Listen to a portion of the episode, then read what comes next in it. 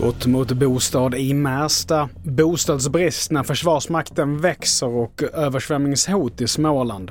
Men TV4-nyheterna börjar med att under lördagsmorgonen så genomfördes en ny rysk robotattack mot infrastrukturen i Kiev.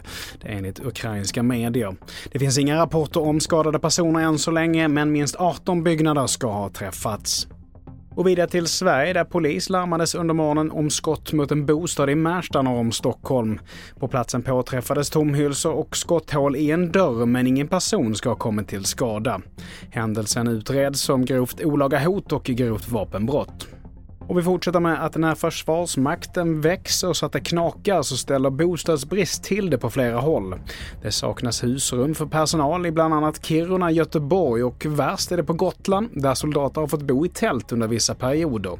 Och oron är nu stor att det ska påverka försvarets tillväxt. Bedömningen är att det de närmsta åren behövs upp mot 100 nya hyresrätter till försvarspersonal på ön.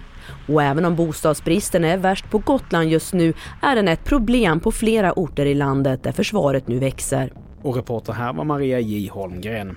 Vidare till att på flera håll i Sverige så hotar nu översvämning på flera platser och det byggs nu skyddsbarriärer som i trakten kring Värnamo i Småland. Det är smält snö och stora regnmängder som gör att SMHI utfärdar en röd varning vilket är den högsta nivån. Och det gäller framförallt området nära övre Viskan.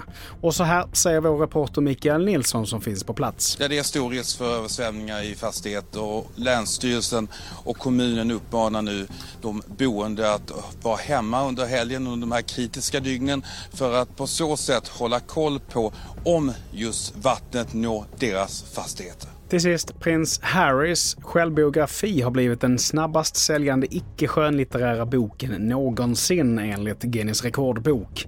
Den sålde i hela 1,4 miljoner exemplar under första dagen bara i USA, Kanada och Storbritannien.